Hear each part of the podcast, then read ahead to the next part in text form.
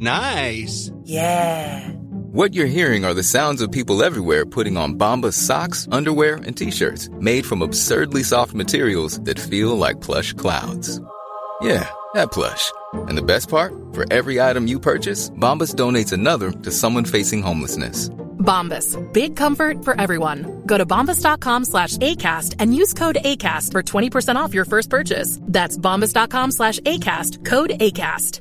Quality sleep is essential. That's why the Sleep Number Smart Bed is designed for your ever evolving sleep needs. Need a bed that's firmer or softer on either side? Helps you sleep at a comfortable temperature? Sleep Number Smart Beds let you individualize your comfort so you sleep better together. JD Power ranks Sleep Number number 1 in customer satisfaction with mattresses purchased in-store. And now save 40% on the Sleep Number limited edition Smart Bed for a limited time. For JD Power 2023 award information, visit jdpower.com/awards. Only at Sleep Number stores or sleepnumber.com.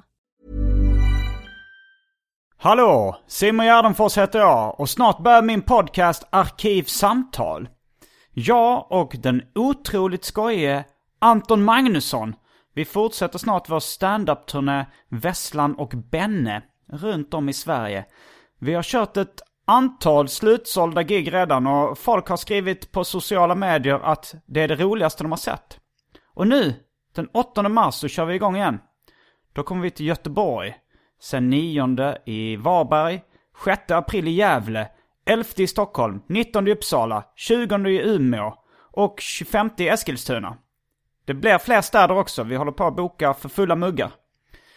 Eh, passa på att köpa biljetter nu i god tid den här gången. För det blir nästan alltid fullt och då vill vi inte ha något gnäll sen om att ni inte har fått biljetter. Så gå in på specialisterna.se och knip biljetterna nu. Nästa fredag, den 23 februari, kör jag dessutom ett after work-gig i Stockholm med Petrina Solange. Och DJ är Fredrik Strage, som spelar musik. Jag har massa andra gig på gång också. Komplett lista med länkar och datum hittar ni på gardenfors.blogspot.com. Och glöm inte att följa med på sociala medier som till exempel Instagram, där jag heter atgardenfors. Men nu kommer Arkivsamtal, som denna vecka är ett specialavsnitt som spelades in live på Göteborgs stadsteater för ett tag sedan. Ljudet är lite annorlunda. Och det kan vara så att det inte blev något välj drycken den här veckan. Men nästa vecka så kommer allt vara som vanligt igen. Ljudet och välj drycken. Podden klipps av Marcus Blomgren. Mycket nöje!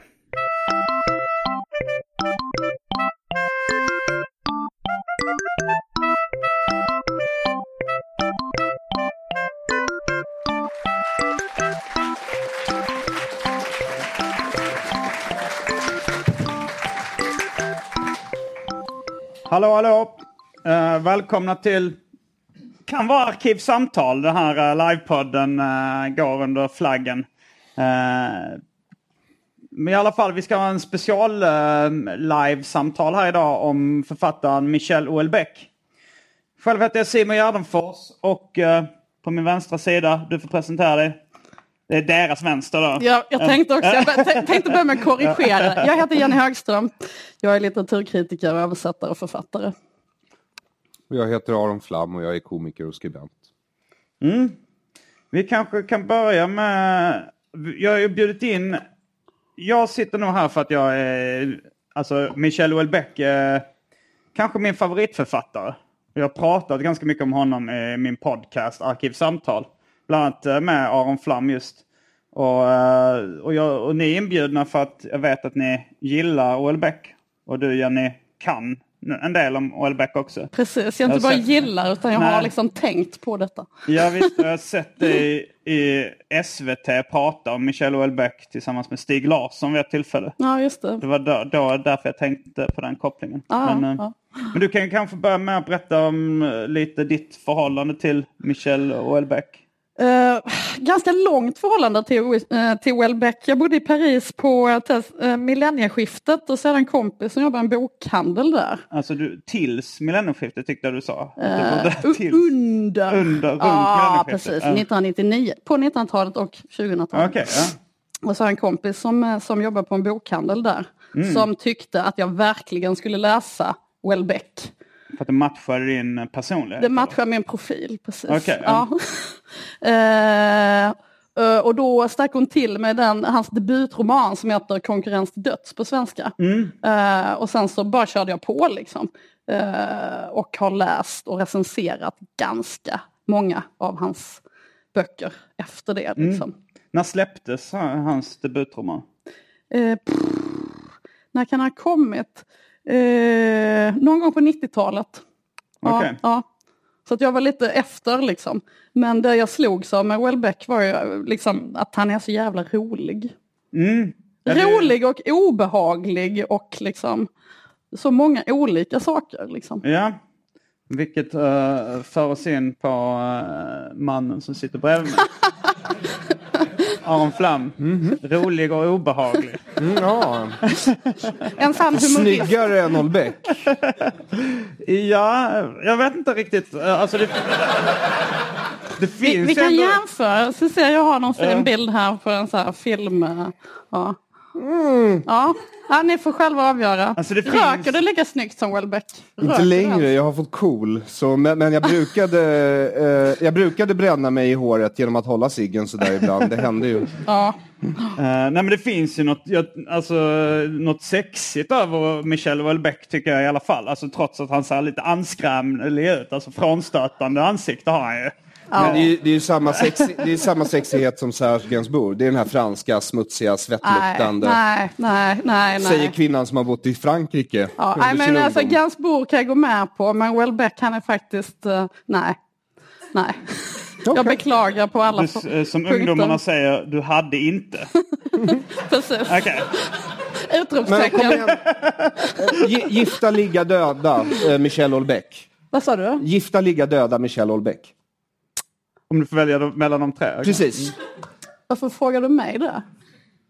Det, vi, vi, vi pratade om hans sexighet. Ja, just det. Ja, men jag så- tänker att jag inte ensam behöver avgöra den. N- jag har ju precis men- sagt att den är noll. Men jag Liksom. kan, Ja. ja. Jag sa att han var sexig. Ja, precis. Ja, precis. Simon Exakt. skulle ligga med honom. Ja, Okej, så bra den frågan- du så tar där den. ju- du tar den. där är ju det är liksom- frågan vem av oss som ska döda honom. Och vem som ska gifta sig. Ja, ah, just det. Mm. Jag är ju inte förespråkare av giftermål då, så det får ju bli... Inte jag heller. Ja. Ja. Men uh, vad har du för relation då till Michel Houellebecq?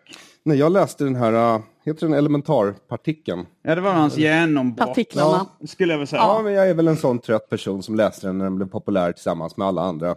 Och sen så fastnade jag då för hans, eh, att han identifierar sexualiteten som en av de största orsakerna till mänsklig olycka. Och sen så gillade jag hans aviga inställning till hippies.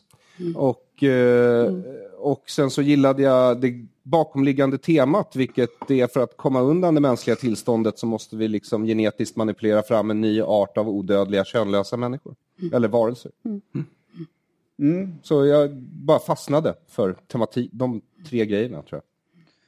Jag tror jag upptäckte... Det, var faktiskt alltså, min kompis och eh, och författaren då, Henrik Bromander, som är serietecknare och författare. Och jag gillade hans böcker väldigt mycket, hans sätt att skriva. Och frågade honom vem han var inspirerad av eller vad som var hans favoritförfattare. Då sa han att det var Michel Houellebecq. Han har sagt det, vad kul. Ja. Jag Ja. vet inte om, han, om, det är, om, om det är längre, det här var länge sedan. Liksom. Och eh, så frågade jag honom "Men vilken bok ska man börja med. Och Mm. då så rekommenderade han Plattform. Okej. Ehm, Och varför tror du att han rekommenderade i just plattform?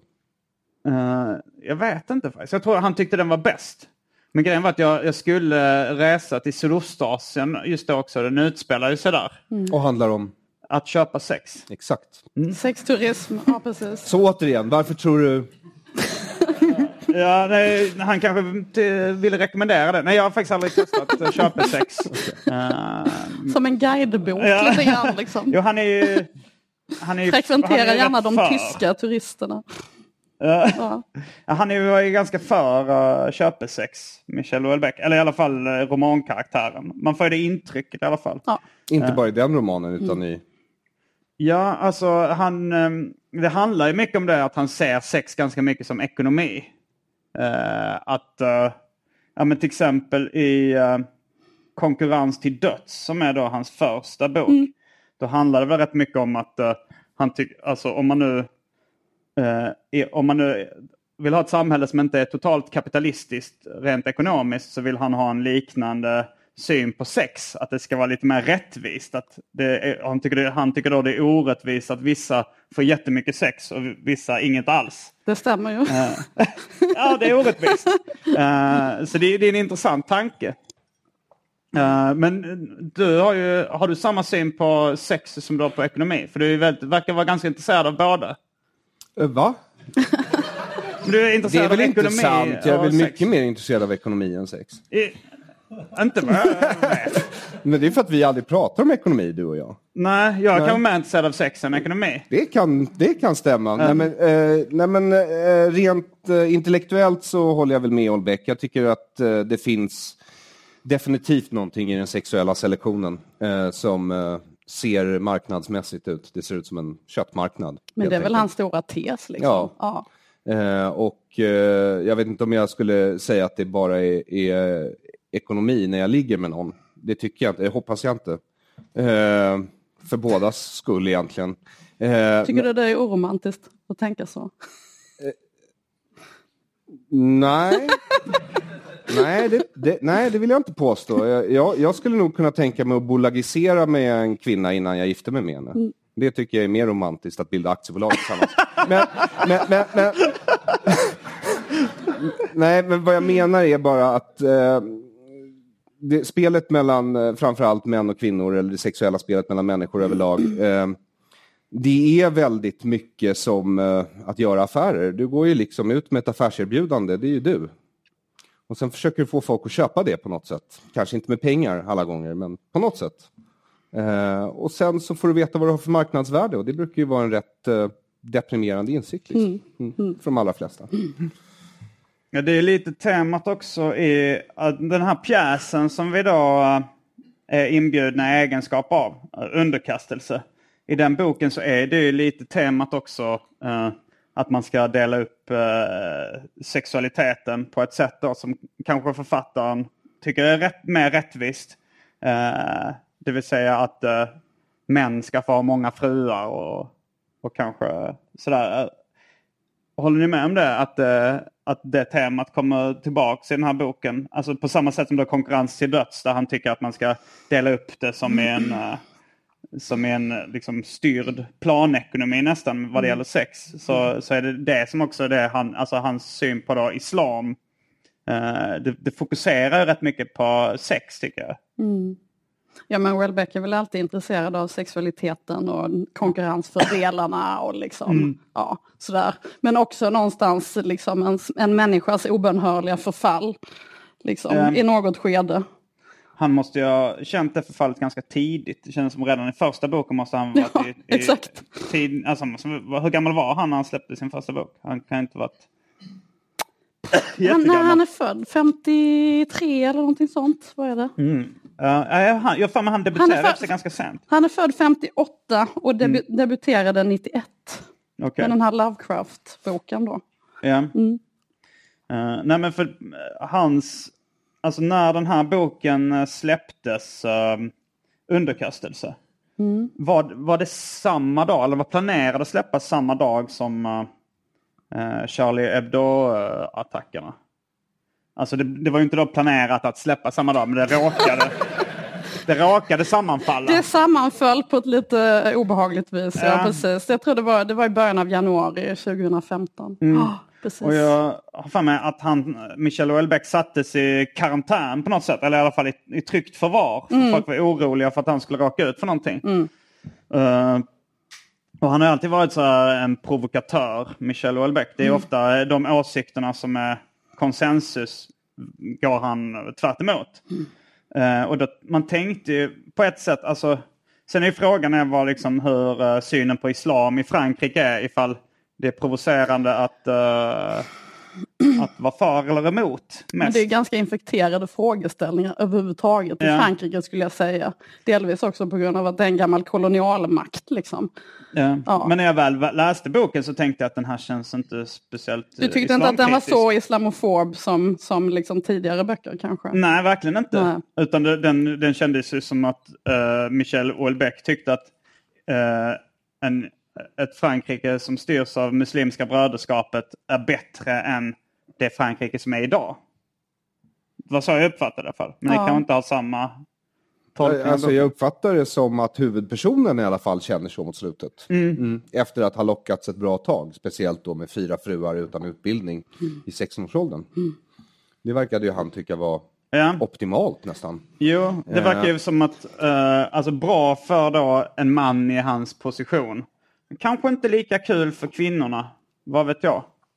Ja, det är ju upp till var och en. Jag tror att det Han där är någonting som har med individ... Nej, Nej. nej, det verkar inte ens tas upp. Alltså så här, inte ens tanken på det perspektivet verkar föresväva honom överhuvudtaget. Jo, det tror jag det gör. Han har ju någon sån här diskussion med den här unga studenten som han har liksom en relation med. Miriam. Mariam. Miriam. Ja, precis. Ja, Hon som, hon som äh, emigrerar till, Israel. till Israel när det smäller. För att hon är judinna och Ja, inte kan leva exakt. kvar i Frankrike. Nej. Eller misstänker att hon inte kunde komma kunna leva kvar. Ja. Ja, eh, precis. Men, men eh, det har ju hänt med franska judar de senaste åren. De har ju börjat emigrera i allt högre tal till Israel, vilket har fått till resultat att det är lite mindre trevligt att vara i Tel Aviv, men maten har blivit lite bättre.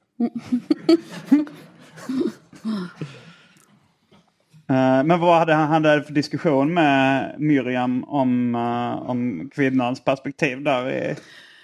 Jag kommer inte ihåg på rak arm nu men det handlar väl, det handlar väl om att liksom kampen för kvinnlig rösträtt och sådär. Att liksom, ja ja visst men. Ja just det, det tas Ja. upp i pjäsen också. Att han, eh, att han inte tycker det kanske var en jättebra idé med kvinnlig rösträtt. Nej. Och sen så är frågan är hur mycket allvar han menar med det. Alltså dels då karaktären i boken och dels Michel Houellebecq själv. Eh, Alltså det är ju ändå en tes som har drivits från, från början i hans författarskap. Så att jag, det, jag menar, alltså ifrågasätta kvinnlig rösträtt. i fråga, nej men liksom, alltså det är ju en, det är ju en misogyn författare faktiskt. Eh, Det är ju en misogyn och rasistisk författare. Ja, men där... Det betyder ju inte liksom att Ja, det där- betyder ju inte att du behöver köpa alltihopa men liksom han har ju drivit och tuggat om Ja. viss, de, de här grejerna jämt liksom. Kvinnor ska se ut på ett visst sätt. Liksom, ja. Det är just det här eh, som jag tycker alltså, förhöjer läsupplevelsen och gör det roligt på något sätt. Att jag gillar inte att eh, eh, konsumera underhållning där jag verkligen håller med eh, underhållaren. Nej. Eh, speciellt ofta. Det, det verkar ju vara rätt poppis att, eh, att liksom eh, gå på stand-up eller vad som helst med någon som man håller med politiskt. Jag tycker det är roligare, alltså för Michel Houellebecq, eh, hans politiska åsikter går rätt mycket stick i stäv med mina egna. Så det är ganska mycket tvärtom. Och det är det som jag liksom skrattar åt när han argumenterar för sina åsikter. Fast jag, jag vet inte, jag håller med dig om att huvudpersonen och då på något sätt också Houellebecq förlikar sig med tanken på att Frankrike ska bli ett kalifat. Så jag tror att han, han använder ju den här urabiska skräckmyten som nationalister och rasister ser framför sig, alltså när det gäller Europa, att liksom muslimerna kommer föröka sig så mycket att de tar över helt och hållet. Eh, det är ju den myten han använder för att liksom bygga den här romanen, men det verkar ju som att både han och eh, romanförfattaren själv både förlikar sig med tanken och börjar se fördelarna med det mot slutet. Så jag, jag vet inte om man kan säga att den är liksom så här 100% islamofob till exempel. Sen om man utgår från, och sen när det, gäller, när det gäller det faktum hur han ser på sex eller kvinnor eller invandrare för den delen heller, från sitt eget perspektiv som vit man så är det så att vi människor, vi har ju väldigt mycket med obehagliga impulser, obehagliga känslor och han, han skildrar ju här väldigt skoningslöst, vilket betyder att han som författare faktiskt är medveten om eh, de här tillkortakommandena och är villig att lägga upp dem på bordet så att vi andra ska kunna lära oss någonting av dem. Vilka tillkortakommanden? Ja, men till exempel misogyna eh, åsikter eller eh, en sexdrift som om man tittar genom de böcker jag har läst av Houellebecq eh, kanske inte... Alltså det är det är svårt att beskriva honom som en gentleman. Ja, Ja, ja, ja, visst. det, är hart när omöjligt. Jag tror att det är underkastelse. Jag vet inte, han verkade ju inte ens betala extra till de här två prostituerade som han sen hade, som han sen hade analsex med. Och det ska man ju avhandla innan om jag har förstått saken rätt. Eh, Man ingår i en sån där affärs... Ja, nej. Det är inte gentlemannamässigt. Men eh, om jag ändå gissar eh, vem, alltså rent politiskt där Houellebecq står så ska jag nog gissa på av oss tre är du den som ligger närmast eh, hans åsikt. skulle jag nog också tro. Va? Eh, för jag, säger, alltså jag tycker ofta det roliga är att inte hålla med. Men när du läser det, känner du att du så, i, i mångt och mycket håller med om hans politiska ställningstaganden? Nej, väldigt sällan faktiskt. Uh, alltså, um, jag tror inte jag är så gnällig. Jag menar, jag har ju också eh, argumenterat, i alla fall på ståuppscenen, mot kvinnlig rösträtt.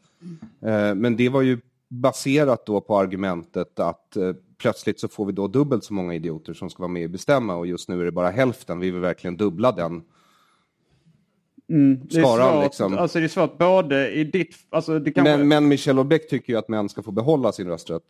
eh, ja, du tycker ingen ska få rösta? Nej, jag vet inte. Det är alla eller ingen i mitt fall och då är det väl alla antar jag. Men, ja. Men alltså jag tänker ändå så här att äh, även om, även om äh, vad heter han, heter han François i underkastelse? Även om François liksom på något sätt tycks förlika sig med idén om någon slags sekulärt islam som tar över universiteten och en islamsk president. Fast är det så sekulärt? Det är väl ganska religiöst? Men det framställs ju som både och liksom. Det är liksom både sharia-lagarna men den framställs ändå som någon slags humanistisk. Liksom. Jag vet inte riktigt. Men eh, det jag skulle komma till det är att det som leder fram till att den här representanten för det muslimska brödraskapet blir president eh, det är ju att, att eh, det råder någon slags beröringsskräck liksom politiskt mot att, att liksom ställa honom till svars för de här åsikterna. Det, det, alltså den här beröringsskräcken med, för att man vill inte bli stämplad som rasist. Um, det, uh, det, där tänker jag att liksom Welbeck är ute efter någonting liksom, i, i, uh, Alltså, i samhället. Om man förenklar det så är det så här, men det får man väl inte säga i det här landet, inställningen. Liksom. Ja, men Det liksom att, att, att det händer saker politiskt därför att, därför att människor liksom inte vågar deala med problemen. Mm. Riktigt liksom. Jag tänkte nog inte på, på det så mycket när... Nej. Eh, För jag tycker det är svårt att veta vad man riktigt ska ta på allvar. Alltså jag, jag känner att det är lite satiriskt också det här att, uh, att uh, Houellebecq tycker att det är bättre med en muslimsk stat än det Frankrike av idag. Det tror jag inte han gör heller utan jag, jag tänker ändå att det är liksom en satir av liksom om det här skulle kunna hända om liksom. Ja, ja jo, alltså att du menar med att han målar upp ett skräckscenario. Mm. Ja, ja, och att ja, eh, det, det är satiriskt att verkligen. det är bättre. Okej. Ja, Eh, för Det jag, tror jag. jag. Jag, tänker ändå att, att på ett sätt så passar ju det här eh, muslimska samhället Mm. män som Michel Houellebecq med hans åsikter och känsloliv och sådär. Mm. Och så varför skulle han inte tycka det var bra då? eftersom han har varit islamofob så himla länge. Jo, men sen kanske han har insett att uh, ja, men det här eh, kanske, det kanske finns en poäng med, med Mm. de här, den här livsstilen. Liksom det här, eh, för det går, alltså så här, det här patriarkala styret verkar han ju vara för. Och, och, Men det där Mm. du tog upp tidigare, det där om att ingen vågade opponera Mm. sig mot intoleranta åsikter därför att det skulle göra dem själva intoleranta. Eh, Inte, eh, inte opponera sig mot intoleranta åsikter rent generellt utan liksom vi får inte liksom. jo men det ja, finns ju en ja. Mm. lång tradition Ja. inom, fransk, alltså inom franska intellektuella av religionskritik. Och den Mm. Verkligen. religionskritiken Oh, är väl eh, Ol- Olbeck en av de få som, som faktiskt fortfarande bär upp. Så att kalla någon islamofob för att den konsekvent kritiserar en religion, är det verkligen rättvist då? För jag menar, han hade väl, om han hade växt upp Nej, då, nej, i, det är i, inte- i inte- påvens inte- Frankrike Nej, så kanske han hade haft Det samma är inte inställning. Och rättvist i sig du, självt men, men liksom det finns väl, men hade du kallat honom kristofob? nej. Om han gjorde ner katolska kyrkan? Jag vet inte, jag brukar inte använda det begreppet så himla ofta. Nej, men det är det jag men, menar. Men, Därför- men liksom, jag tänker att hans, eh, han har mera haft, eh, liksom, han har ju snarare battlat. Liksom. Han har ju haft islam och kritiken mot islam eh, som ett återkommande ämne. Han har blivit ställd inför rätta för rasistiska och, och sexistiska uttalanden. Liksom. Han blev friad i och för sig. Jag kommer inte ihåg riktigt men det var rätt länge sedan. Men, men Mm. det har liksom väckts åtal mot enskilda uttalanden som han har gjort. Liksom. I sina böcker eller Nej, nej, nej, nej. Eh, intervjuer och sådär. Mm. För, ja, han har liksom bara pratat fritt. Och det har varit, vad var åtalspunkten varit? Men du, jag tror att det var så här, han kallade islam för den mest korkade religionen eller någonting sånt Mm. i en intervju.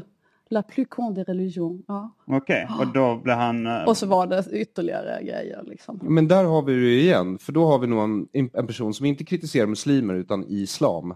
Så det är ju en annan sak igen. Det är som när jag säger krossa socialismen, då säger jag krossa socialismen, inte krossa socialister. För det Men är att viss han har- skillnad han- på idéstrukturer och människor. Men att han säger att islam är den mest korkade religionen utesluter ju inte att han utmålar muslimer som... Nej, nej, absolut som- inte. Nej, jag- jag- så jag- att det, men- det finns ju liksom olika nivåer här. Ja. Vi har en nivå som bara är det som är fiktion och som är romanerna. Och där, det kan vi ju spekulera i liksom. Ja.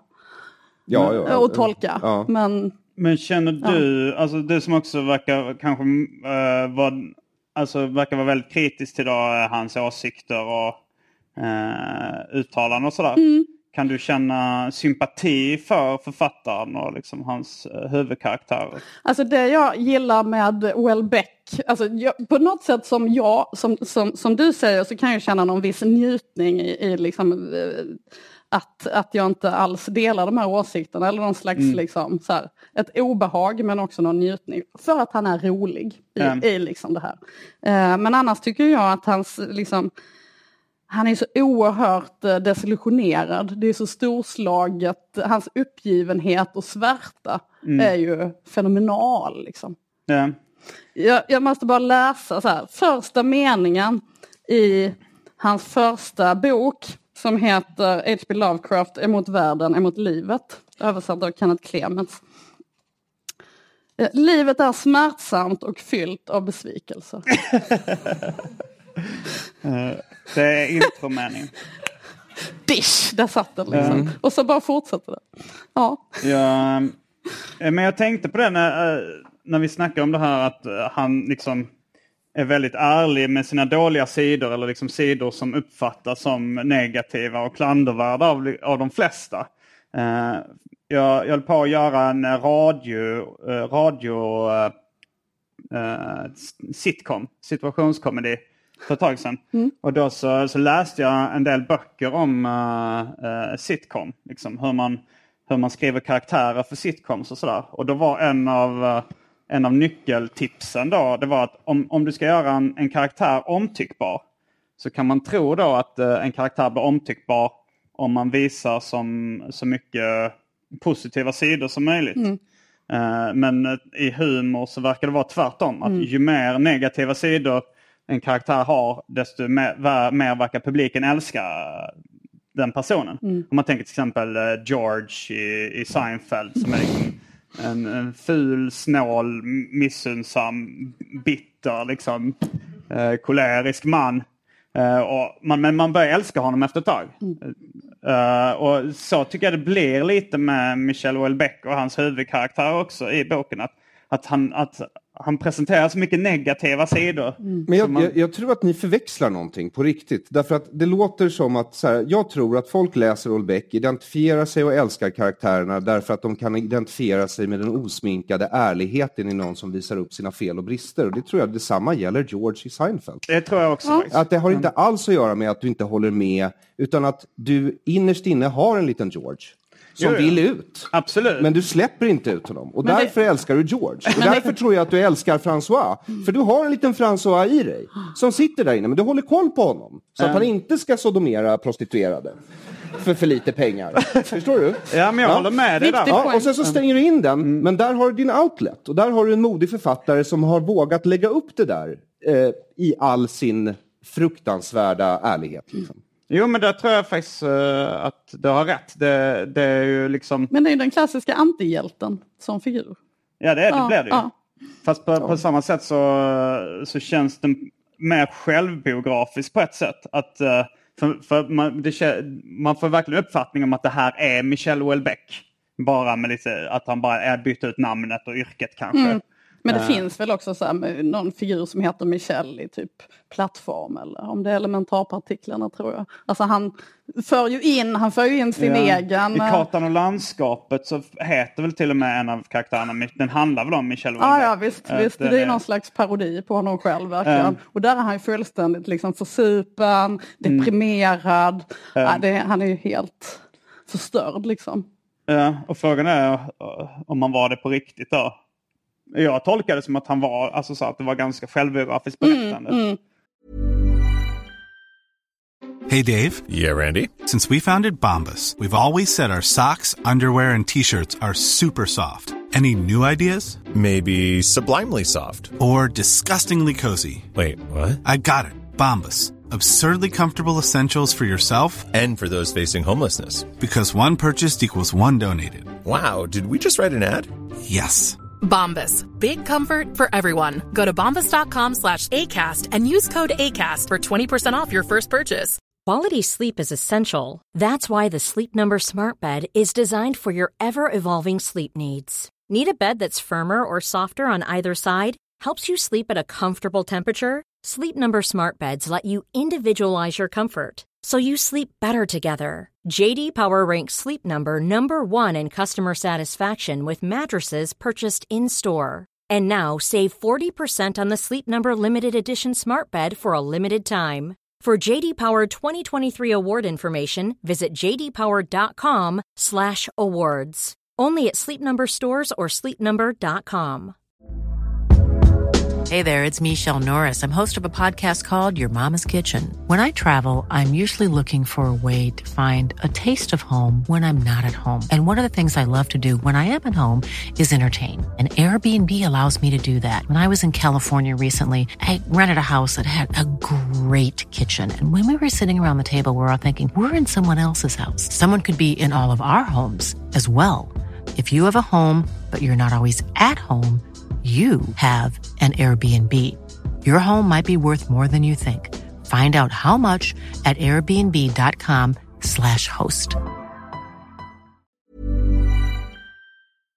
I inledningen till den här pjäsen som vi är här för att dels diskutera antar jag, eh, så tar han ju en av grejerna från boken eh, som har att göra med litteratur. Det är, han, Jag tror han inleder med vad han läser för bok. Ja, det är Eh, som-. Ja, precis. Och att det är bara genom litteraturen som vi på riktigt kan lära känna en annan människa. För det är bara där det är färdigformulerat och tillräckligt ärligt. Liksom. Och det är bara där som ensamheten botas. Och där tror jag man hittar någon sorts sanning i varför han så maniskt producerar bra litteratur. Antar jag. Jag tänkte på det också när jag läste det för att, eh, ja, men det, eh, att det handlar då, eh, alltså boken och pjäsen handlar om en, eh, han är väl litteraturvetare från början, sen blev han lärare och han har då Han är universitetsprofessor. Ja, ja. och han har, han har ägnat större delen av sin ungdom med att läsa sin favoritförfattare då, som är Ysmo, som jag själv inte har läst. Men, men att eh, han berättade att, det var, det, att han trivdes mycket att umgås med den här författaren genom hans text. Och, eh, och det känner jag alltså idag, eh, i dagens samhälle så har, den, har det blivit ganska mycket som när- för oss som håller på med podcasts. Att det finns, att, alltså så man, det kan, på ett sätt tycker jag det blir ännu, att man kommer ännu närmare en person man inte känner privat liksom via poddar. För det är så otroligt, det, kan- det kan finnas hundratals timmar. Men pratar du som lyssnare eller producent? Nu? Nej, som lyssnare framförallt. Uh, att jag, alltså, så, jag har lyssnat jättemycket, jag har lyssnat på över hundra timmar uh, på eh, Kevin Smiths poddar. Och då, då, ja, det ju som att jag på ett sätt umgås med Kevin Smith och lär känna honom även om inte han lär känna mig. Så, eh, och så jag, det var ju samma tanke som då O.L. Beck lägger fram om Ysma eller andra författare i den. Att, eh, Så nu försöker du likna dina hundra arkivsamtal vid några av världslitteraturens största verk. Snyggt där Simon. Ja, verkligen. Bra. Nej, men jag, jag tänkte det för du, för du, du klämde in det här att det var välformulerad och färdigskriven text. Eh, och att då man kan, att man, men jag tycker nog man lär känna en person ännu bättre när det inte är välformulerat och, och färdigskrivet utan när man mer pratar fritt så lär man känna alla sidor, inte bara de här liksom mer smickrade välformulerade sidorna. Men jag tänker att Welbecks poäng väl också är att, att eh, liksom eh, att eh, den här François eh, är rätt äcklad av människor i allmänhet. Liksom. Han vill inte ha, befatta sig med dem. Det är ju därför litteraturen är en tröst.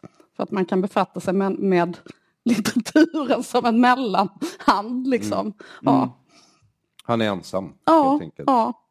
Han vill ju vara det också. Jo, jo, men och, och jag tror det gäller Ja. Michel Houellebecq som person också. Han har väl varit det från början. För det är ju så här klassisk... Eh, cynismens fader hette Diogenes. Så han, det, vid något tillfälle har han utbe, utpekats som misogyn bara för att han gick förbi något träd i det antika Grekland. Och där hade de hängt kvinnor, alltså eh, till döds då. Massor kvinnor hängde från trädet. Och när då, enligt anekdoten, eh, Diogenes går förbi trädet så säger han Jag önskar att all träd bar sådan frukt. Eh, vilket då kan tolkas som lite misogynt. Eh, om man inte känner till Diogenes som karaktär och vet att han hatade konsekvent alla människor. Ja. Så det hade kunnat hänga vad fan som helst i det där trädet. Och han hade fortfarande önskat att det bar sådan frukt. Och lite så kan jag känna när jag läser Houellebecq. Att liksom, hade han varit jo, kvinna absolut. så hade jag fått läsa liksom hur han hatar män i fyra böcker. Liksom. Ja, ja. Ja. Men apropå det eh, tänkte jag ta upp en grej som, som jag tycker är väldigt kul. Nämligen att uh, Houellebecq ju har skrivit efterord till den franska översättningen av Skam manifest. Mm. Han älskar Valerie Solanas. Ja. Men det förstår jag. Därför Ja. att de driver, Ja. alltså, även om han, han det är mer melankoli än ilska i honom, men i Valerie Solanas är det verkligen ett, ett ursinne. Ja. Men det är ju samma så här, kontrarianska ståndpunkt, att hon är emot allt nu. Ja, precis. Så det precis. finns ju någonting där i det revolutionära. Som Men de också den här eh, genetiska teorin som utvecklas i elementarpartiklarna och, och så vidare. Det, det är ju liksom... Ja, han verkar ju eh, hata sig själv och uh, män i allmänhet också. Men det är ju det som är räddningen, precis som du säger. Liksom. Hade han bara varit misogyn eller rasist eller någonting så hade det varit jävligt små, svårsmält. Men, men självhatet är ju, Ja, precis. det är ju Alltså, eh, liksom, blir, okej. På något sätt blir det lustigt nog bättre med dubbelt så mycket hat helt Ja, jo, han verkar ju hata eh, fran fransmän och Frankrike minst lika mycket som invandrarna som han ondgör sig över också. Eh, men jag tänkte på det för eh, alltså, karaktären François då, han, verkar, hans liv följer ju ganska mycket också Ysmans liv. Eh, det här att Ysman blir religiös mot slutet av sitt liv. Och det blir också då eh, François i den här boken. Eh, har du läst uh, Ysman? Jag har faktiskt inte läst Wismans, nej. nej. För jag undrar hur, liksom, ifall det är en förebild för Houellebecq också. Ja, det är jag helt övertygad om att han, att han är. Ja, det tror jag. Eh, en kompis som bor i Paris berättade precis att, att Houellebecq hade liksom gått i kloster eller åkt på någon sån här klosterretreat. Men han blev utkastad. Vet du varför han blev utkastad? han ville nog inte delta i ceremonierna. Nej. Han ville bara bo Han gick där. liksom inte med på så här, hallå du ska, du ska vara här, du ska liksom så här, vara med på vissa grejer. Så här. Han stod väl där och, och rökte, jag vet inte. Men Det gör den här karaktären också. Den åker också till Ja, ja, kloster. ja. Ja precis, Ja. precis. Ja. Och åker och ser, är det den svarta madonnan i Lourdes? Eller? Det, det är någon madonna, gråtande madonna eller? Jag kommer inte ihåg. Minns faktiskt inte detta. Det är en tydlig symbol för en gammal tro i alla fall. Jo, Och som kontrasteras den med en ny. Det är ju Men, också så typiskt att Welbeck misslyckas även med, det här. men jag tänkte på, han skrev ju sin um, eh, debut, det var väl en avhandling om Lovecraft. Ja. eh, som sen, men, men påminner, ja, det är den enda av de böckerna som finns på svenska som inte jag har läst. Mm. Eh, men är det, liksom, går den att läsa som en roman eller är det mer som en, en avhandling? Nej, det är mest, alltså det är essäer. Liksom. Det är essäer om Essäer om, Lovecraft. Ja, precis. Men det är ju väldigt, det är väldigt eh, lätt. Liksom. Och, Eh, men verkar Lovecraft vara en för, förebild för uh, Houellebecq? Ja, det tror jag. Ja, för jag har faktiskt aldrig läst Lovecraft. Jag har bara hört. Alltså, så här, det är väl, Mm. jag, jag, som jag brukar upprepa, jag gillar humor och realism. Och eh, Lovecraft det är väl rätt mycket lite, lite monster och sånt där. Ja, precis. Och ingen humor. Jag har ingen hemma så det, det, Inte så mycket humor, nej. nej, så det verkar inte vara något för mig. Men eh, det, det, det har väl anklagats för att vara rätt rasistiskt, Lovecraft. Mm. Och det är kanske det han gillar. Det är inte otänkbart. Här står så här, jag har läst första meningen i boken, så kan jag läsa sista, sista stycket också. Bara upprepa första, den var ganska kort och För, rolig. första meningen var så här, eh, men hallå. Livet är smärtsamt och fyllt av besvikelser. Mm. Därför är det meningslöst att skriva nya realistiska romaner. Jaha, det gör han ju sen. Ja, det gör han sen. Men att erbjuda ett alternativ till livet i alla dess former, att skapa ett permanent motstånd mot och en permanent utväg till livet, det är poetens viktigaste uppdrag på denna jord. Howard Philip Lovecraft fullgjorde det uppdraget. Alltså jag får ändå intrycket av att uh, Beck, alltså han känns lite så gymnasieintellektuell. Ja. Det här liksom slentriancyniska. Ja. Jag, jag, jag tror Simon att i Frankrike så kallar de det bara intellektuell. I Sverige kallar vi intellektuell gymnasieintellektuell för vi vill liksom... Man vill nedvärdera det. Ja, precis. Mm. det någon, kan ha varit jag som har kallat dig för gymnasieintellektuell. Vid något sammanhang också. Eh, det är nog långt ifrån det värsta du har kallat mig, men absolut. absolut. Tror du- Pre- pretto, jag tror du vid något tillfälle sagt, du pratar ju flytande pretto. Tror jag du. Kanske det. Li- Tycker du att det ligger någonting i det? Ja, absolut. I, I det här kulturella klimatet. Men jag, jag, jag försöker leva som en förebild helt enkelt och hoppas att folk eh, skaffar bibliotekskort vid något tillfälle. Lär sig fler staviga ord och sådär. Jag vill inte låta elitistisk, men jag är ju det. Ja, vi kom överens om att det var du som skulle uttala de flerstaviga orden här ikväll. Ja, exakt. Medan vi skulle köra mer guttural skånska. Passgång. Ja, precis.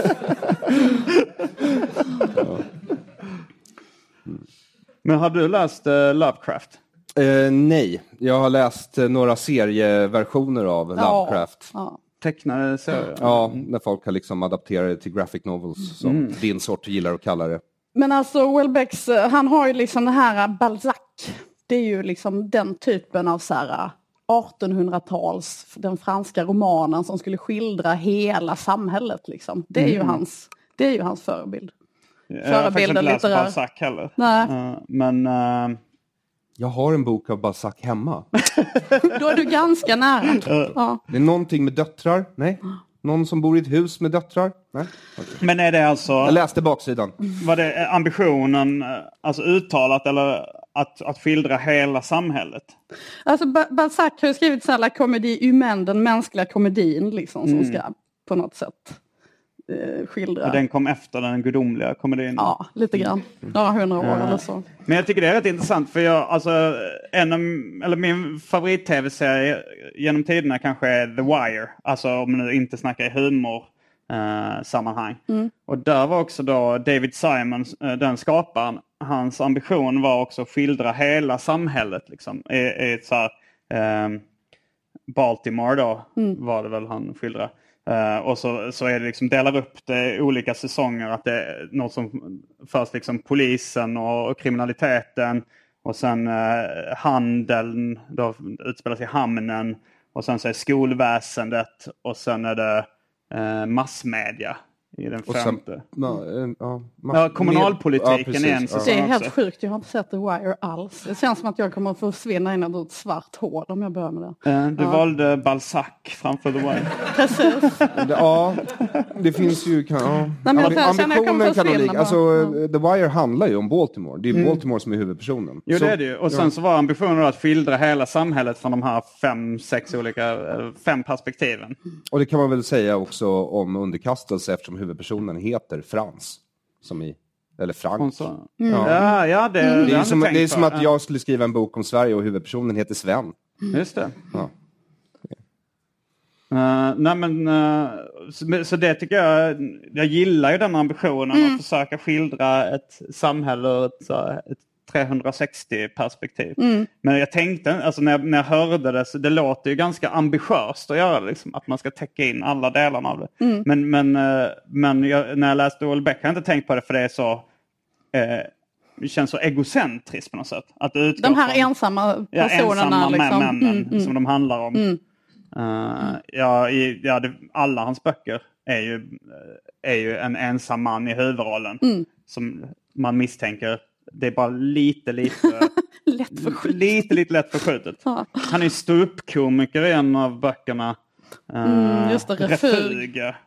Eh, och en provokatör. Liksom. Och det är väl, alltså det, provokation är någonting som jag alltid har gillat. Och det, det är kanske därför liksom O.L. Beck är en av mina favoritförfattare också. Du är också en ensam man som gillar sex. Ja. Så det finns mycket, det är det jag Det försöker finns säga. mycket, Det finns mycket, precis, eh, många relate. liksom. Nej, men den, Men vad eh, tycker ni om stilen då? Hur, hur han mm. skriver? Det är ju det är på ett sätt ganska vackert tycker jag. Mm. Alltså samtidigt som man säger så här ganska saker som man brukar mer höra skinnskallar skrika utanför 7-Eleven. Till exempel? Det, ut med packet. Ja. Fast han, han säger ut med packet med väldigt poetiskt språk. Och det blir en ganska rolig kontrast tycker jag. Mm.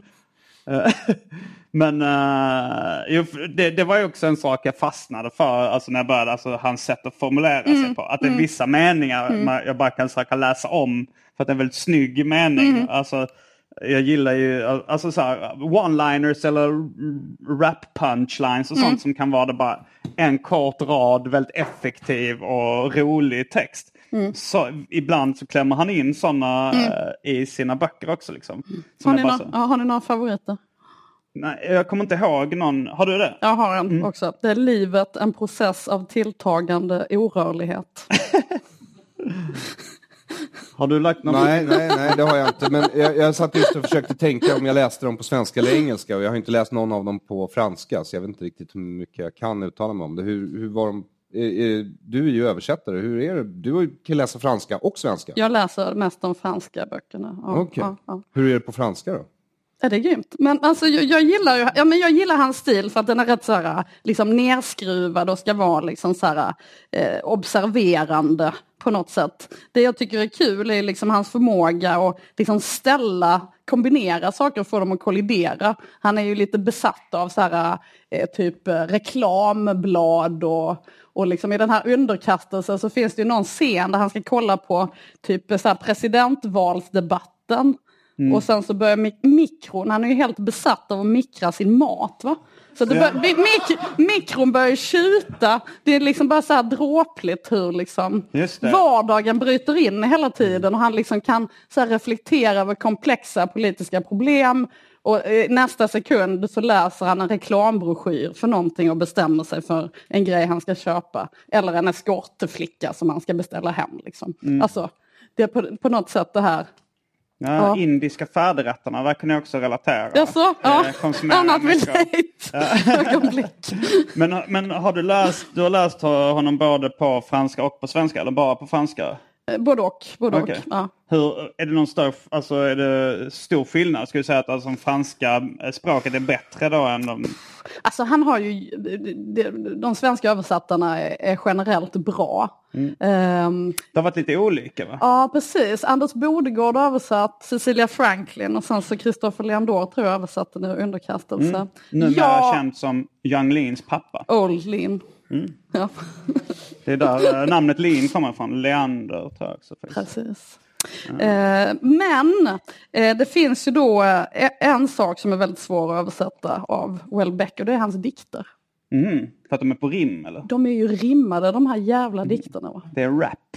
Ja, alltså han kallas ju för, han har ju kallats för Le Baudelaire de Supermarché. Snabbköpets Charles Baudelaire. Exakt, exakt, för han älskar Baudelaire, han älskar liksom den typen av romantisk dikt. Så att det handlar liksom om, ja men ni vet det han skriver om liksom, eh, fast på den här rimmade versen. Är, då, eh, är de bra, hans dikter? De är ju faktiskt det. Mm. De är ju det, men det är ju assvårt att översätta. Ja, Det finns ju några dikter i refug tror jag. det, Eh, jag, har inte, ja. jag kommer inte ihåg. Men eh, du berättade också att han hade spelat in någon form av musik.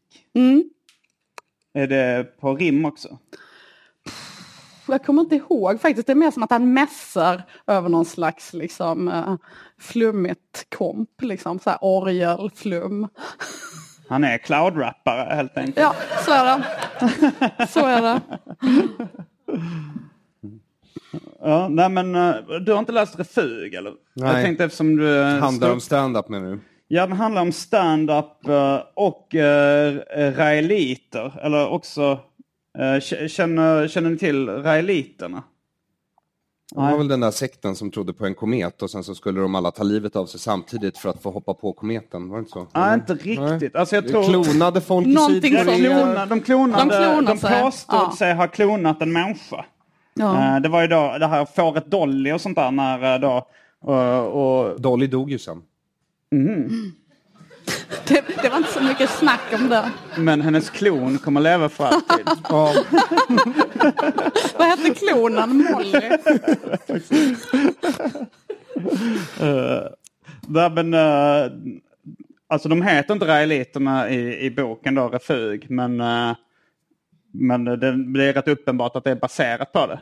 Och då handlar det om, alltså, det börj, alltså romanen då börjar med att det är en, jag tror det är en, en, den femte klonen eller något sånt av den här ståuppkomikern som skriver boken. Eller man får läsa sen hans, för, för, liksom, de har en klon och sen får man läsa sin förlagas eh, då, självbiografi för att man ska lära sig om det gamla livet. Så då är det då klonen som läser den här eh, livsberättelsen, eller livsteckningen då, av, av då den här ståuppkomikern som levde under ja, kanske 10-talet, alltså en modern tid. Eh, eller när den är skriven på 90-talet, jag kommer inte ihåg. Men, eh, men det var nog min favoritbok av O.L. Beck. Det var, gan- jag tror jag läste den innan jag hade börjat med stand-up men när jag funderade på att göra det. Aha. och den Du, tycker den är bäst alltså? Ja, det var nog den jag uppskattade Ja, mest ja. faktiskt. Vilken är din favoritbok? Ja, jag gillar ju Konkurrens till döds. Här, Mm. Debutromanen. Den gillar jag bäst. Vad är det du gillar med den? Men, liksom, eh, eh, men jag tycker att sen så tar liksom hans eh, så här, anspråk för mycket plats. Alltså konkurrens till döds, eh, extension du domaine de la lutte på franska. Som Betyder det samma sak? Nej, jättesvårt att översätta faktiskt. Eh, Men liksom, eh, den är så jävla deprimerande. Den är liksom bara så här, den är så jävla hård. Och de andra böckerna, där börjar han underhålla lite grann och liksom lägga ut teorierna och liksom bli så här, eh, lite megaloman på något sätt. Han har lite för kul, men här har han fan inte roligt alltså. Nej, men det handlar, ju- det handlar ju om många alltså så här, äh, män som är besvikna på att de inte får ligga med Japp. tjejer som de vill ligga med. Japp. Och man kan ju tänka sig att... äh, Det är bara så kul att höra er. Det här har vi en, en, en, en ensam man som kan identifiera sig för han aldrig får ligga. Och sen du som älskar att läsa om lidande män som aldrig får ligga. Och sen, Jag kanske också relaterar. ja, jag tycker elementarpartikeln, hette den så? Elementarpartiklarna. Ja, det är pluralis. Ja, Mm. eh, jag lyckas aldrig komma ihåg vilket det är faktiskt. Men, men eh, den var bäst. Sen har jag läst Plattform och så läste jag Underkastelse på din uppmaning. Jag. Eh, och nej, det, jag tycker fortfarande att elementarpartiklarna stod sig bäst. Men jag ska väl läsa Refug. Jag tror jag har lovat dig att göra det förut också. Stå uppar emellan så ni kan bonda. Ja men alltså det, ja. lite så är det ju. Det är också så när man är, jobbar som ståuppare så vet man att det finns en massa saker man borde läsa. För det är en del av mitt jobb att ha läst det här. Ja, och då blir det också som att man bygger upp en motvilja mot att faktiskt göra det. För det blir inte riktigt den där roliga semesterläsningen du hade hoppats på.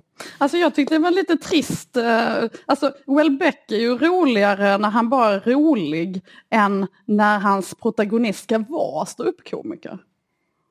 äh, Fattar du vad jag menar? När han gör sin, sin protagonist till ståuppkomiker då ska han ju vara rolig Ja, ja, och, och, och, och ett provocerande. skämt, liksom. Ja Mm. visst, och det är lite så här, han är ju roligare eh, liksom när han bara gör det. Ja, alltså det roliga i den boken är ju inte äh, den... Ståupparen. Nej, men stand-upen som han presenterade. Nej. Man märker Den är ganska inte käs va? Är det inte det? Ja, jag, jag kommer bara ihåg ett skämt som jag har hört i andra sammanhang också. Är det så? Eh, det var, eh, vad kallar man det sladdriga fettet eh, utanpå, utanpå vaginan? Kvinnan. Det är sådana skämt han drar ungefär. Ja, ja. Det rev ju inte hem några stora skratt här i salongen. Det är för att de har hört det förut. Så många gånger att de har skrattat färdigt. Så kan det vara.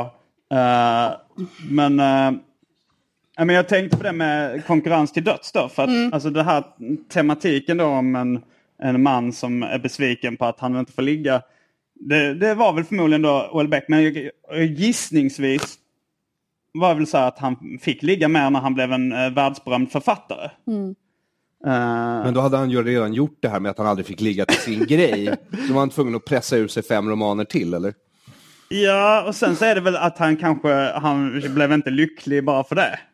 Han, har, han är fortfarande en besviken man. Liksom. Det är många, alltså i hans senare Det finns böcker. alltid ett sätt att bli besviken.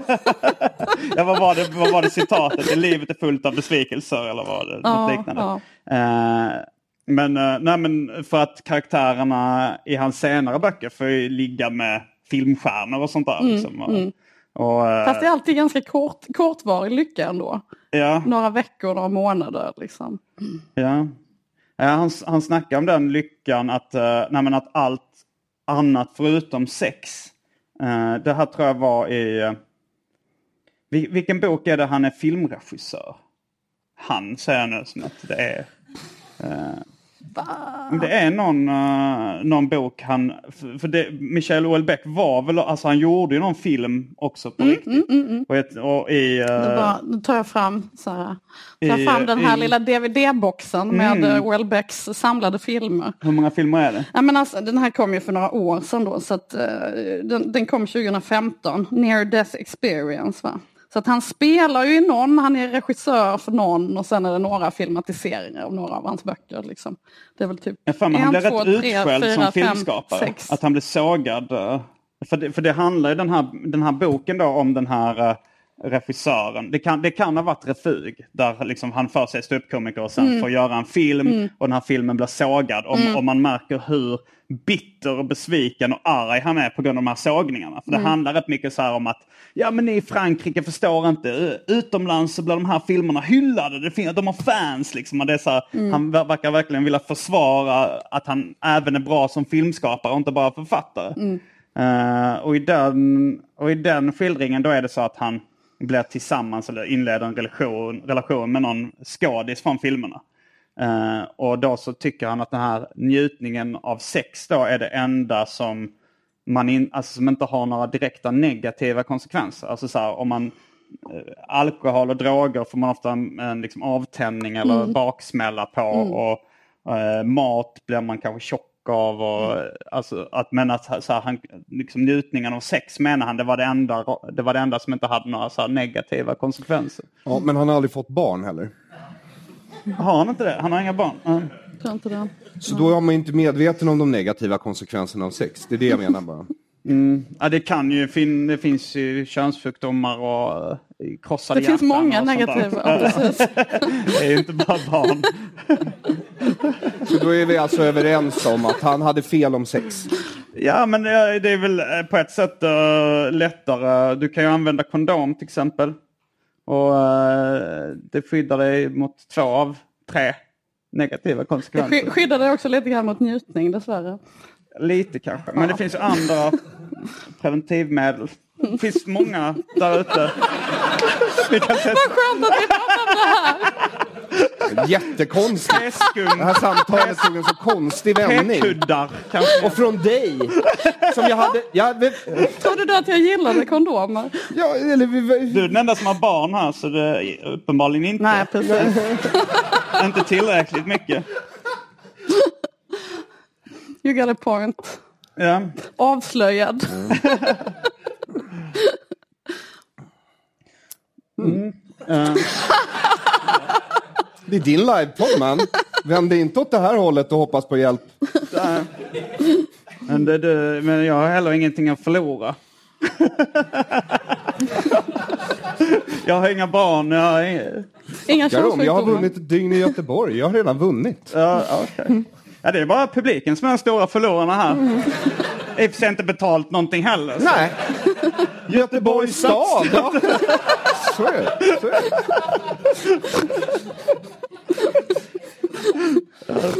Jag kan sitta hela dagen som mina lärare brukar säga. Nej, Jag vet inte varför de sa det. Eh, Det var väl om ifall någon skulle erkänna någonting i klassrummet. Så här, vem är det som har stulit tavelsudden? Eh, Och så var det ingen som erkände. Så sa läraren. Jag kan sitta hela dagen. Uppenbar lögn också. De har... mm, eh, men Jenny, du är den som kan mest om uh, Michel Houellebecq. Eh, du, har, du, har, du, har du skrivit mycket om honom också? Vad menar du skrivit om? Alltså jag, har recenser, jag har recenserat en hel del av hans böcker. Har jag gjort. Vilka böcker har du recenserat? Jag har recenserat eh, Lovecraft-boken och eh, antar jag eh, Refug och Underkastelse. Mm. Eh, och säkert någon till. Men det var elementarpartiklarna som var hans stora genombrott va? Mm, tror jag. Vem var det, vilken var det som kom först? Elementarpartiklarna och sen plattformen? Ja. Det var det liksom verkligen, då slog han igenom typ. Är de tydligast sexuella? Är det Nej, jag vet, jag frågar er som har läst dem tidigare. Liksom. alltså där är ju temat Men det är där sex. han liksom verkligen så här, äh, ger sig ut i... Ja. Ja, men jag tänker att sex säljer. Och jag har själv märkt att när jag skämtat om sex så har de, upps- de skämten, för det är något sorts fake tabu sex. Som är liksom någonting vi inte pratar om men som vi inte tycker är sådär jätteallvarligt så vi kan prata om det egentligen eller läsa om det. Så jag tänker liksom att i och med de två böckerna så borde det liksom, om han inte var lika tydlig i de tidigare. Men ele med elementarpartiklarna, eh, jag har glömt lite eh, den boken. Var det tydligt sextema i den? Det kan man nog säga. Man kan säga att eh, den handlar liksom om två personer som drivs fram av sin ensamhet och brist på sex. Och sen så slutar allt i smärta och tårar. Gå åt helvete. Mm. Igen. Igen ja, precis. Jag tyckte så, det var så himla kul när eh, Det måste ha varit när jag jobbade på GP för typ 12 år sedan eller någonting på kulturredaktionen där. Då hade Welbeck en blogg. Och hade det ganska gött och tror jag att han bodde på Irland eller någonting sånt. Eh, eller om det var Andalusien kanske, för han har bott på båda ställena. Jag tror av skatteskäl så drog han till Irland ett tag. Och det var säkert därför han var i Andalusien också. Kulturarbetare behöver inte betala skatt i, på Irland. Här Mm, jag har också, jag har också Ja, just hört det här det. Ja, ryktet ja. av människor som vill att jag ska lämna Sverige. Men, men det, De bara, bara så att du vet. Det var, de, det, var, det var de som bad mig att säga det här ikväll. Men det var väldigt kul när han bloggade och då bloggade han mycket om sin hund och sådär. Jag minns att jag skrev någon kommentar, liksom hoppades att han skulle svara men det hände inte. Men jag kommer ihåg när du var med då i tv och, och pratade om... Det var eh, svinlänge sedan. det var svinlänge, tio Ja. år sedan kanske. Något sånt. Mm. Ehm, då hade jag, det var kanske då jag började läsa Welbeck. Mm. Ehm, men eh, då var ju även Stig Larsson gäst. Och, eh, Mm.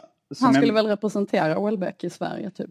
Ja, alltså jag har att det var du som sa i det här tv-inslaget att då eventuellt... Men det var en uppenbar setup liksom så här. Åh, vem ska vi bjuda in? Åh, vi bjuder in Stig Larsson, han är ändå liksom. Ja, Ja. Men jag för mig ändå du sa, ja, alltså så här, om det finns en eh, svensk Michel Houellebecq så skulle det väl vara du då Ja. och pekade åt hans håll. Mm. Eh, håller du med? Eh, kan du stå för de åsikterna idag? Alltså, Nej, nej, men jag menar bara att han var, Nej, nej, var men, bara- men han var ju typecastad på det sättet snarare. Ja. Men jag tycker inte så här jämförbar på något annat eh, intressant sätt, nej. Liksom. Men det var mer som en, inte att han var innehållet type- i, i Nej, Stig Larssons böcker, nej, utan det är mer det att nej. han skriver böcker, är ensam, gillar alkohol och schack och är inte Provokatören liksom. Ja, Ja. men också Slimeball, ensam, eh, liksom. ensam Ja. man med tvivelaktig kvinnosyn. Tämligen. Ja. Och, ja, jag har inte läst eh, så mycket Stig Larsson. Eller så här, började Akta dig så det inte stämmer, det är för förtal. Vadå? Eftersom jag säger vad du har sagt Ja, i tv. Till honom. Tio år senare. Ja, det finns, ju, det finns ju på band säkert någonstans i tv-arkivet. Nej, men jag Ja, bara, okej. bara, bara började läsa Autisterna av Stig Larsson Mm. men tyckte inte det var så jättebra faktiskt. Så jag slutade Mm. efter, efter några, alltså, något kapitel. Så. så jag vet inte exakt hur likt det är. Men, men, men liksom tematiken och sådär. En, Mm. en eh, ensam man som var bitter. Det Mm. var, fanns ju där. Ja. Och det var allt för... Nej, jag vet inte. Hur, hur länge har vi hållit på egentligen? En vad, är, timme vad är typ. klockan? Har vi hållit på en timme? Ja, Ska vi... En timme? Ja. Ska vi ta lite frågor från publiken? Är det någon, eh, någon som vill bryta isen? Har vi några Welbeckianer här ute? Några Oelbeck-fans? Ja. Eh, ja, det brukar ta... Det brukar, när någon väl har vågat ställa en fråga så uh, du har en fråga från... Ja, jag, jag har bara läst elementarpartiklarna. Och det låter som när ni pratar om de här andra böckerna att han framstår som Bruno i elementarpartiklarna. Och jag förstod inte riktigt Michel, den andra då, karaktären är, som är ganska avhållsam. Jag förstod inte hur han ser på en avhållsam person. Mm. Utan att spoila slutet. Mm. Hur tror ni han ser på, är det patetiskt att vara avhållsam eller tycker han det är häftigt? Tycker han Michel är häftig? Eller? Alltså att Michel är av, sexuellt avhållsam. Ja, han är ju hard get eller liksom inte intresserad av. Nej, eller ja, han är ju intresserad av sex. Eh, det är ju det är rätt mycket fokus på avsugningar och, och köpa horor och sånt i vissa delar i boken. Men, men jag tänker Men det är ju- att... Ja. Det är Bruno som är det. Mm. Michel är han forskaren som... Som uppfinner den matematiska formeln som gör att vi kan framställa. Jaha, för jag har inga problem med att spoila slutet. Så? Ja, nej, jag, så, tänk, jag så tänkte på det, är, det är han som kommer på den där formeln som gör Ja, oss det. odödliga och Okej. kärnlösa. Ja, Han växer upp med en här fruktansvärt vacker kvinna. Eller en flicka som blir en vacker kvinna. Liksom. Men han liksom ser inte henne. Jag fattar inte liksom vad... Eftersom det är två väldigt olika karaktärer. Mm. Jag tror inte Welbeck skulle ha konstruerat en roman med bara den här avhållsamma figuren i centrum. Det är väldigt svårt att tänka tror inte sig. jag heller. Jag Nej, tror också att liksom. Den där karaktären blir liksom en symbol för dels någonting han beundrar. Eh, men dels blir det ju också som att den karaktären är en övergång från människa till någonting annat. Därför att om du inte längre har sexdriften, om det inte är din primära drivkraft, i alla fall enligt Freud, då är du inte människa. Men Om sen, det sitter några asexuella här inne nu så ber jag tusen gånger om ursäkt. Ni får skylla på Freud. eh, ja, men sen också alltså, i, i underkastelse så lever ju... Han är ju inte jätte... Alltså han verkar ju kunna tänka sig att leva rätt ensam också och inte ha så mycket sex kanske. Eh, jag tycker det, det pendlar väl lite i det i han, hans böcker också att under perioder så är han inte speciellt intresserad av sex eller kan inte ha så hög sexualdrift eh, överhuvudtaget. Men vad då har vi inte alla, har inte, är det bara jag som har längtat i perioder eller då och då är man väl så trött på sin egen sexdrift så man önskar att man var utan, eller? Jo, det har Så man kunde känt. fokusera på att städa och betala räkningar. Jo, men det har jag också tänkt på att, att uh, alltså så här, ibland så skulle jag kunna fantisera om en, eh, om en tillvaro där jag är förlamad från midjan och neråt. Du kan inte tänka dig vara avhållsam på något annat sätt. Han kanske radikal, kanske kastrering. Du kan överväga det istället. Jag tänker då att eh, då skulle jag kunna ägna mig åt mina andra intressen på heltid och behöver inte oroa mig över det andra. Usch, usch, usch, usch. Ni får hålla det där för er själva. Fy fan. Du har aldrig känt det så? Eller? Nej. Inga fantasier om att sitta i rullstol? Inte än så länge. Men det ska bli min nya king hädanefter. Då kanske vi avslutar det här kalaset. Eh, tack så mycket Jenny, tack så mycket Aron, tack så mycket publiken. Tack så jättemycket. Tack, tack.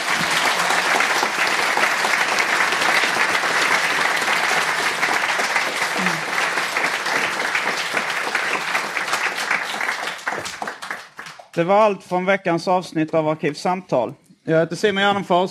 Jag heter Aron Flam. Jag heter Jenny Högström. Fullbordat samtal. Yes.